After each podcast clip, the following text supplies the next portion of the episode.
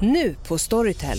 Försvarsadvokaten Lydia Levander får chansen att lösa sitt största fall genom att försvara en misstänkt mördare. Hur långt är hon och kollegorna på advokatbyrån Pegasus beredda att gå? Fallet Mikaela. En ny deckare från succéförfattaren Anna Bågstam. Lyssna nu på Storytel.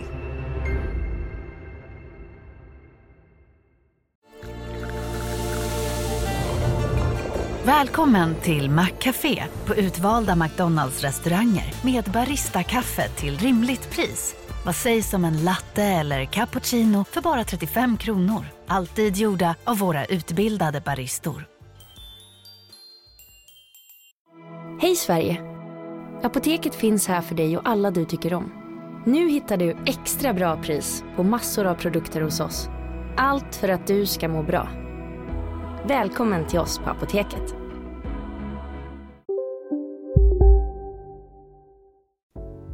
–1956, efter flera månaders humanitärt arbete i Indien, kom Gunnel Gummesson och hennes pojkvän Peter Winnant fram till Shibargan, Afghanistan, efter att ha liftat med en lastbil. De följde med en man som skulle hyra ut ett rum åt dem. En afghansk polis såg trion försvinna in genom en port. Gunnel och Peter har aldrig synts till igen.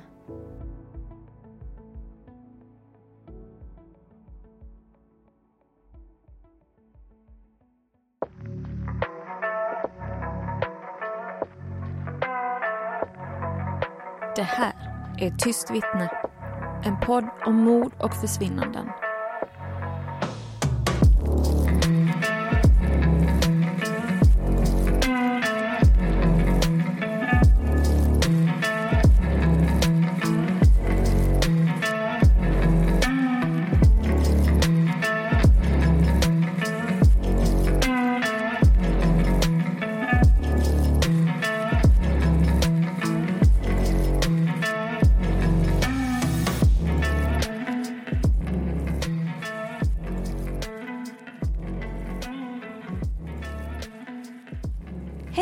Och välkomna till dagens avsnitt av Tyst vittne. Det är jag, Jenny och Alex! ja, och det är ett jävla snack om Ryan Gosling Ja idag. men alltså han är så... Ja, Han är så delicious. jaså? Du ser jättekonstig ut. Han är... Är du lite obekväm Jenny? acceptabel? Nej. Men jag bara tänkte, om du vet att han är det så har du ju missat att berätta något för mig. Like just a little important detail. Anywho, Yes. hur är läget? Det är, det är super. Så roligt. Det är inte ofta du får höra det va? Nej, nej, nej, nej. I am happy. Nej men eh, det känns väldigt bra just nu. Jag har varit i skolan i Köpenhamn. Jag reser med tåg varje dag. Och det är en skådespelarutbildning. Yes, fy fan vad kul. Ja, ja. Hur är läget med dig? Det är bra. Ja. det är så kul. Du är alltid lika kort, jag är alltid lika lång. I just, jag bara pratar och pratar och du bara, mm, men vi har saker att göra. it's all good. Nej, men jag vet inte, jag har inget så. Det är liksom, det är bra. Jag har inget att klaga på. Du trivs i livet. Det gör jag. Härligt att höra. Mm, mycket roligt jobb. Mycket roligt med podden. Alltså ni är så grymma som lyssnar. Fy fan vad glada vi är. Ja. Alltså det har bara skjutit i höjden här nu och vi är så glada. Ni är bäst. Ja. Gunnel Gummesson föddes den 16 augusti 1929 i Rosa, Hultsfred. Rosa finns endast som ett järnvägsstopp i Silverdalen, Hultsfred idag och tillhör Kalmar län. Gunnels föräldrar var Nils-Erik Gummesson och Anna Eleonora Hammarström. Nils-Erik jobbade som föreståndare på kooperativet, det som senare blev Konsum. Den lilla familjen flyttade till Nora i Västmanland 1931, alltså när Gunnel var två år gammal. Som vuxen arbetade Gunnel som folkskolelärare och hon intresserade sig för humanitärt arbete och reste till Indien för att ägna sin tid och omtanke till just detta. Gunnel träffade en man vid namn Peter Winnant genom den ideella organisationen Experiment in International Living i en liten by i Indien. Peter var 31 år gammal och han var son till en kapten i US Army som faktiskt fick en Silver Star under första världskriget. Alltså Peters pappa fick det då. Peters mamma var dotter till en amerikansk general och spenderade mycket av sin barndom i Japan. Eftersom då Peters morfar var stationerad där. Mm. Under första världskriget så var hon frivillig sjuksköterska och hjälpte till i de franska militärsjukhusen. Känns lite som att Peter hade en stabil grund. Ja, faktiskt. Amerikansk mm. um, grund att stå på. Mm. Gunnel och Peter blev förälskade och vissa källor säger att de var förlovade medan andra säger att de var pojkvän flickvän. Hur som helst bestämde sig Peter för att följa med Gunnel hem till Sverige och de påbörjade sin resa den 20 maj 1956. Paret hade en mager reskassa, men trots detta så gav de sig av på sin resa som skulle ta dem från New Delhi i Indien, genom Pakistan och Afghanistan med destination Teheran i Iran. Och dit skulle de anlända den 5 juni 1956. Därifrån skulle de sen ta tåget till Europa. Peter hade tidigare cyklat den här sträckan från Iran till Indien och det unga paret bestämde sig för att resa samma väg tillbaka. Fast genom att lyfta. Vi ska prata lite om Afghanistan år 1956 och hur det såg ut där på den tiden. Journalisten Börje Hed arbetade för en stor svensk tidning vid tidpunkten och blev så pass intresserad och insatt i fallet att han åkte till Afghanistan för att försöka finna svar. Han beskrev sin resa till Afghanistan i en bok han skrev året efter försvinnandet 1957. I boken Flygande reporten skriver han att ingen sagt åt honom att vrida tillbaka klockan 250 år inför resan till Kabul. Han beskriver ett enkelt samhälle med få fordon på gatorna trots stor aktivitet med människor och djur. Allt från kameler, hundar till åsnor och hönor. Så egentligen det han menar med att vrida tillbaka tiden, mm. det var mer att liksom folk menar på att det som åka tillbaka 250 år i tiden Exakt. när man åker till Afghanistan. Ja. Så föråldrat eller outdated ja, är det. Exakt. Skoförsäljare, tiggare, sjungande spåmän, krigare och fattiga barn som sålde amerikanska cigaretter. Allt på samma gator och torg. Han beskrev också några spöklika varelser som följde husfasaderna klädda i tältliknande heltäckande kläder. Det här var de kvinnor som hade vågat sig ut. Det var inte många och de höll sig undan. Och vi såg ju ett filmklipp från eh, Afghanistan på 1950-talet och det var precis så som Börje Hed beskrev. Vi såg inga kvinnor i filmklippen och det fanns bara män ute på gatorna. Och ibland kunde man se små flickor klädda i slöja och heltäckande kläder.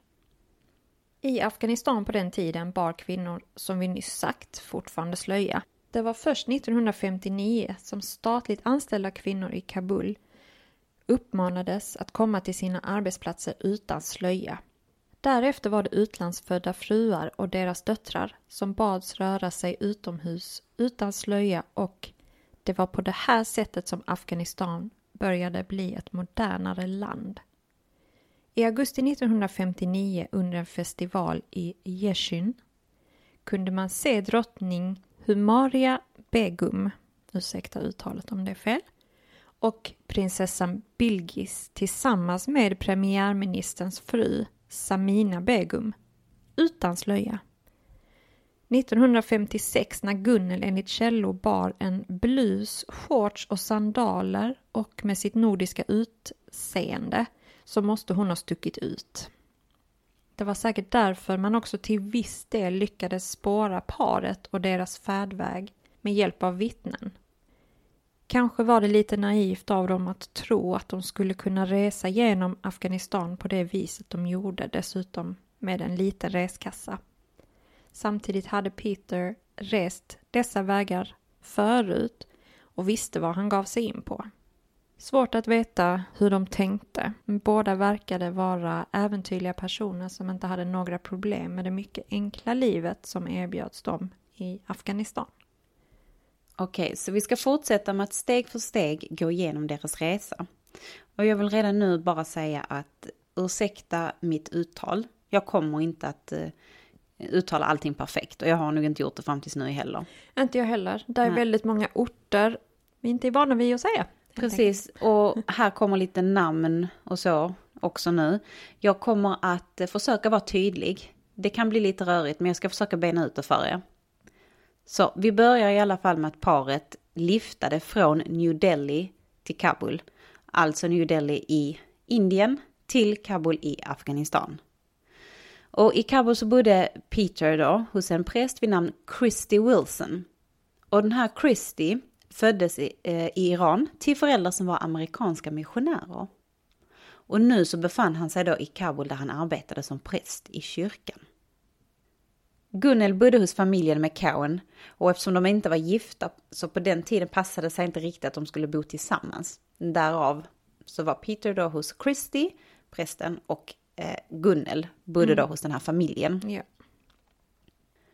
Den 20 maj 1956 postade Gunnel ett brev till sina föräldrar i Sverige. I brevet lämnade hon en beskrivning av deras kommande resa och om deras destination i Teheran den 5 juni. Så föräldrarna hade alltså så att säga koll på den resan de hade framför sig och skulle göra. ja, det var liksom en uppdatering. Så att Ja, ni kan precis. förvänta er att detta datumet når vid den här orten. Precis. Och det är säkert då de tänker sig att de kommer kunna få tag i henne igen Ja, någon gång där. precis. Och Christy Wilson, den här prästen i Kabul, han berättade själv för journalisten Börje Hed när han var i Afghanistan om hur Christy vinkade av paret när de lämnade Kabul genom att lifta med en lastbil. Och det här var då den 20 maj, samma dag som hon postade det här brevet. Peter fick 40 dollars av Christy. Och enligt Christy så hade Peter redan ungefär 140 dollars, eller dollar, det, jag vet inte hur man uttalade det på den tiden. Men det var det han hade på sig i alla fall. Och hur mycket pengar det här var då och vad man kunde få för det, det vet vi inte riktigt. Men det vi vet, det är att de reste med lite resurser, för det framgår från flera olika källor. Att de hade helt enkelt lite pengar med sig. Ja. Paret kom fram till Bellulla, där de tog in på ett tehus. Och vad är då ett tehus, eller vad var det då på den tiden? Jo, på dagarna så fungerade tehus som restauranger och nattetid som stora sovsalar. Ja, däremot så undrar jag lite hur kvinnor och män sov på den tiden, om det fanns olika salar för kvinnor än för män. Jag kan tänka mig nog att det kan ha varit på det sättet. Ja, jag tror också det faktiskt. Följande morgon hyrde Peter och Gunnel en gaddi. Och en gaddi ska då vara en tvåhjulig vagn ledd av en åsna. Och de gjorde en avstickare till Bamiyan för att se ett buddhakloster samt den 35 meter höga buddhastatyn. Och det är sen oklart om de tillbringade natten i Bamiyan eller återvände till Belula redan samma dag. Den 22 maj ordnade tehusägaren så de kunde lifta med en lastbil från Belula. Lastbilen tog sedan en omväg vilket gjorde att paret bestämde sig för att hoppa av och gå till fots. De hade passerat det höga Shiba-passet och Gunnel hade fått skoskav och gick därefter barfota. De var trötta när de nådde fram till matsalen tillhörande sockerbruket i Baglan. En fru Ulrich som bodde på sockerbruket kunde i efterhand vittna till att paret stannade över natten gratis och de fick även mat. Peter hade då sagt att de inte hade några pengar. Den 23 maj uppsökte Peter och Gunnel guvernören som hade hört talas om paret och precis som Jenny beskrev tidigare så utmärkte de ju sig. Så varje gång de kom till en liten ort så visste ju folk att de var där och speciellt då polis och guvernör och så vidare. Ja. Av guvernören fick de pengar och han ordnade även med lift på en lastbil åt dem. Fru Ulrichs väninna åkte med i samma lastbil och hon har senare berättat att de gick av i Pull i Kumri. Så det har varit mycket nu här. Så jag hoppas att ni hänger med. Men de började sin resa den 20 maj via småorter i Afghanistan. Och den 25 maj så fick de plats på en lastbil för att fortsätta sin färd. Och vittnen som åkte med uppgav att Peter verkade nere och han sa inte ett ord till Gunnel. Efter en punktering på den här lastbilen så nådde de Aksha tidigt på eftermiddagen, alltså den 23, 25 maj. Peter och Gunnel köpte bröd och yoghurt på ett tehus innan färden fortsatte och de kom fram till Shibargan klockan 21 på kvällen. Och bland annat då två polismän i staden ska då ha sett, eller såg då Peter och Gunnel stiga av den här lastbilen. Och en man som var medpassagerare visade dem sedan vägen till deras nästa övernattningsplats. Här slutar alla säkra spår efter Peter och Gunnel. Man vet så mycket som att de kom fram till Shibargan, men vad hände sen? Detta har ingen med säkerhet kunnat fastställa och de har aldrig setts till igen. Läser man i Börje Heds bok och andra källor på nätet så finns det gott om vittnen som sett paret fram till de passerade porten i Shibargan. Man har fastställt att hit kom de och alla är överens om detta. I boken skriver Börje om sitt samtal med prästen Christy Wilson. Christy var med och vinkade av paret i Kabul. Enligt Christy så fortsatte paret västerut från Shibargan till Andkuj den 26 maj. Efter att ha besökt basarer och ett tehus tog de sedan en lastbil efter klockan 15. Efter en bit så fastnade lastbilen i sanden och två gendarmer hjälpte dem loss. Jag vet inte om man säger gendarmer eller gendarmer, men nu kommer det i alla fall vara gendarmer. Ja. och det är en poliskår, men mer åt det militära hållet. Båda de här mindes i alla fall Peter och Gunnel. Peter hade hjälpt till att putta loss lastbilen medan Gunnel suttit kvar på lasten. Den här lastbilen var från Herat och enligt Christie så hade Peter nämnt för honom att Peter och Gunnel hade tänkt hälsa på en vän där, Dr. Feisterer. Det kan ju ha varit så att Peter och Gunnel reste vidare till Andkui, men de nådde aldrig Herat. Det är många orter här Det är jättemycket och det är svårt att hänga med. och det är teorier. Det du berättar nu, Mm, det är ju olika personers teorier. exakt. Efter och vittnesmål. Shib- Ja, precis. Det här Shibargan. Dit vet vi att de kom. Ja. Så efter det här så är det olika teorier som du går igenom. Ja, precis. Och det finns även uppgifter som lyder. En afghansk man tog kontakt med Börje och uppgav att Peter och Gunnel kom med lastbil till Andkui den 26 maj klockan 06.30. De tillbringade sedan dagen på ett sjabbigt tehus innan de efter klockan 15 tog en lastbil västerut. Lastbilsföraren förhördes senare av afghansk polis och ska då ha svurit på Koranen att paret åkt med i hans lastbil till Maimana. Han fängslades dock då han själv misstänktes och tog senare tillbaka sitt vittnesmål. Yeah. Så han sa det men sen fick jag skit så tog han tillbaks det. Det hade kanske alla gjort. Exakt. Här försöker man hjälpa till lite. Exakt. Så blir man inlåst. Det blir aldrig bra. I Maimana ska två män ha hjälpt paret med deras tillhörigheter och tagit dem till hemmet av en högt uppsatt afghansk man där de spenderat natten. Sen försökte de igen bo gratis i stadens hotell men denna gången hade det inte fungerat. Dagen efter liftade de med en jeep och stannade till för att dricka te på ett tehus. Ägaren av tehuset hade känt igen dem från ett fotografi han visades efter deras försvinnande. Så hade han alltså då kommit fram med de här uppgifterna Precis. efter det.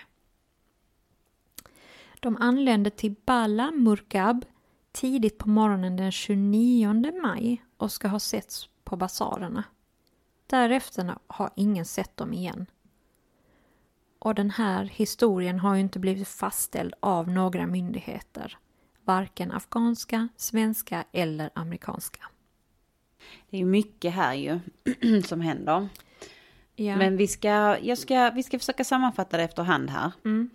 Men enligt de afghanska myndigheterna som skickade en kommission till Shibargan för att ta reda på vad som hade hänt så hade man ju löst gåtan. Och det här med att skicka en kommission tänker jag att det är liksom ett... Uppdragslag. Ja, ja, ett gäng Ja. kommissionärer, nej, Nej. ett gäng uppdragare, Nej. ett gäng resare med ett uppdrag. People with a mission. People with a mission. Mm. Ett, ett gäng med människor med ett mi- mission. Och vad var då gåtan? Peter och Gunnel hade mördats av två bröder i Shibaragan. Deras kroppar och alla deras tillhörigheter hade bränts så att inga bevis skulle finnas att hitta. Bröderna hade sedan tillfångatagits och fängslats. Så efter åtta månader kunde kommissionen avslutas. Och då hade de ju lyckats med sitt uppdrag. Mhm. Intressant. Ja, faktiskt. Men uh, mm. Vi frågetecken på den. Ja, vi tar, våra, vi tar en diskussion tycker jag. Ja. Efter all, all information är ute. Mm. I maj 1963 kom ett brev till UD från USAs ambassadör, alltså UD i Sverige. Utrikesdepartementet. Ja. Där fanns uppgifter om att Gunnel skulle ha tillfångatagits och sålts och levde nu som fru till Kalla Khans son. Och Kalla Khan ska då ha varit en rik klanhövding i Kaisar. Och då tänker jag att det är Afghanistan. Mm. Så Kais- Kaisar, Afghanistan. Och hon ska ha fått en son med honom. Men tyvärr så hade Peter Winnant mördats direkt. Och den här informationen kom från en pashtun som konverterat till kristendomen. Han hade gett informationen till en amerikansk präst i Kabul. Det hade också kommit uppgifter från annat håll om att det skulle finnas en blond pojke i det här området kring, alltså den här klanen då. Ja. Det här klanområdet. Ja. Ehm, att någon ska ha sett en blond pojke där. Mm. Och när den här informationen kom till kungen i Afghanistan så skickade han i juni samma år ut 175 män utklädda till arbetare som finkammade området och alla byar. Men utan lycka. Och när jag säger samma år så tänker jag då 1963. För det var det, det är det året vi Ja. pratar om. ja, precis. Andra spekulationer är då att paret rånmördades någonstans på vägen. Eller att de misstogs för spioner av Sovjet och tillfångatogs. Men även det faktum att Peters pappa, Frederick Winnant, var en amerikansk diplomat hade skapat utrymme för diskussioner kring om det fanns en koppling till parets försvinnande. Så, det vi har egentligen, det är ju Peter och Gunnel som reser från New Delhi i Indien via Afghanistan och en massa små, det är ju så mycket namn, men det är egentligen inte superväsentligt på det sättet. Nej, vad de utan, heter. Nej. exakt, Utan det var småort till småort precis. Genom att lyfta, genom att lyfta, exakt. Och de har övernattat på vissa ställen. precis. Och sen har de helt plötsligt försvunnit. Och de sista spåren, Mm. där man med så att säga säkerhet Mm. via vittnen kan säga att de fanns, det var ju i Shibaragan. Dit Mm. kom de med en lastbil, följde med en man till en byggnad. Och det här har då eh, två eh, afghanska poliser Mm. eh, såg ju det här. Ja. Så de har ju hörts ju. Så att, precis som du berättade så Gunnel och Peter de, de utmärkte ju sig, de syntes ju där de kom och gick. Och folk var ju också intresserade av att vara i deras närhet ju. Guvernörer hjälpte dem, poliser hjälpte dem och så vidare. Så att man har kunnat följa deras resa är ju inte så konstigt. Men vad som är konstigt sen det är ju att det slutar Ja, i Shibaragan i princip. ja. Vad tror du hände? Ja, vi har ju flera olika alternativ. Vi har ju det alternativet att det var de här två bröderna. De, de afghanska myndigheterna sa ju att det var två bröder som mördade dem och brände dem och alla grejerna. Jag tror att det är fabricerat. Ja. Jag tror att man har satt dit två personer, två bröder, för detta. För att städa upp, för att det ska se bra Exakt. ut mot, am- framförallt mot de amerikanska myndigheterna som faktiskt blandade sig i det här. Ja. Eh, För eh, Peters pappa, Frederick Winnant, han åkte till och med dit ja till precis. Afghanistan sen. Så att de hade lite press på sig att lösa gåtan så att säga. Och det tog Kanske. dem endast åtta månader. Ja, så kanske till och med var så att de eh, tog till eh, vissa metoder för att få erkännande från de här bröderna. Vet inte. Precis, och därför passade det inte att lastbilsföraren, chauffören, hade vittnat på Koranen. Att han hade fört dem till en annan plats som inte alls stämde överens med de afghanska myndigheternas version. Exakt, 29 maj. Precis. Därför fängslade de lastbilschauffören. Och han tog tillbaka sitt vittnesmål. Ja.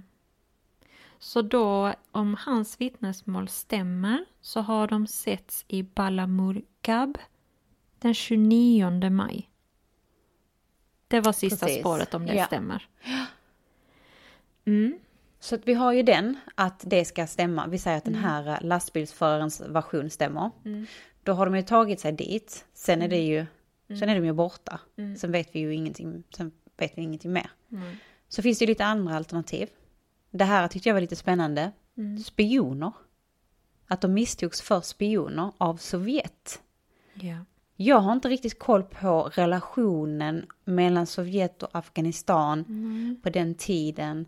Alltså hur pass Sovjet var i Afghanistan och så vidare. Jag har inte riktigt koll på det. Är det någon lyssnare som vet mer om det här?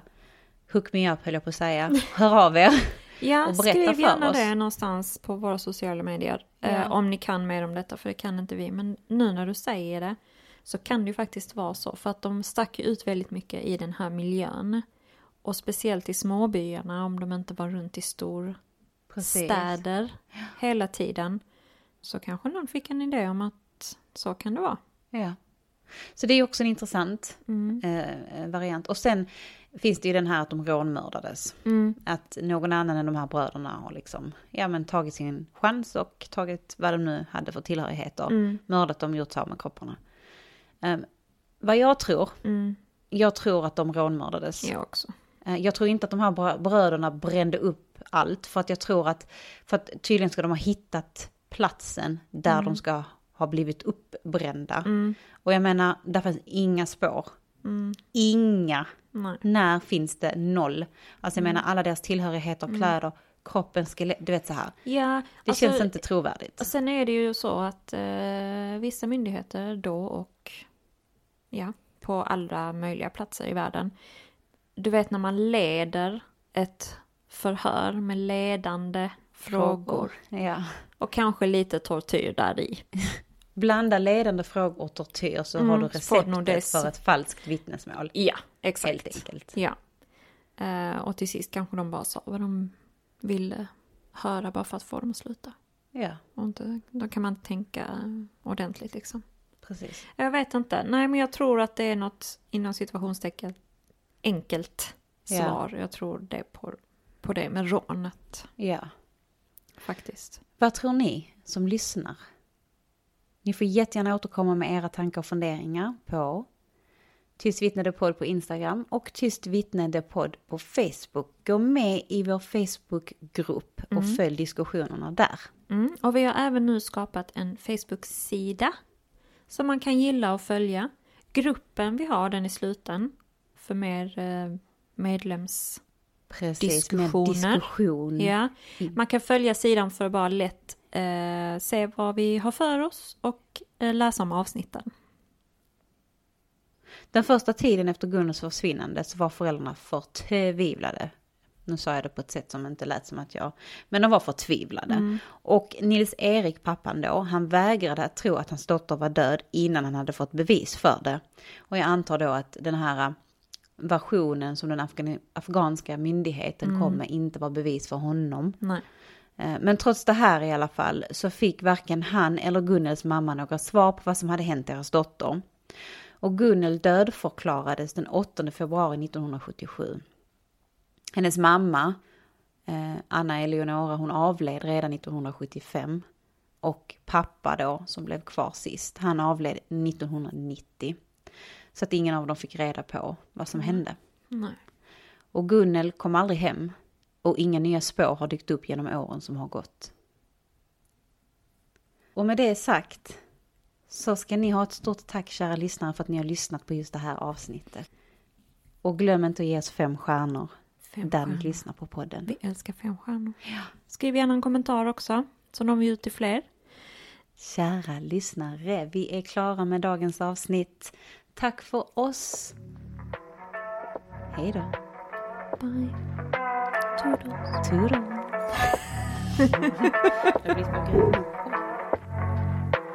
Den lilla familjen flyttade till Nora i Västmanland 1931. Västmanland. Västmanland. Betoningsfel. Jag säger inte det så ofta, förlåt. Västmanland. Vad heter det då? Västmanland. Det är så roligt det kommer att vara. Hello, hey. This is Blue Handed. This is from Sweden. Sweden. And we're going to talk about murders. Murdresses.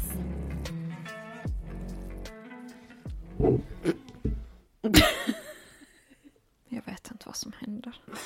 Jag glömde att det var en mikrofon framför mitt huvud. Så jag, jag krockade.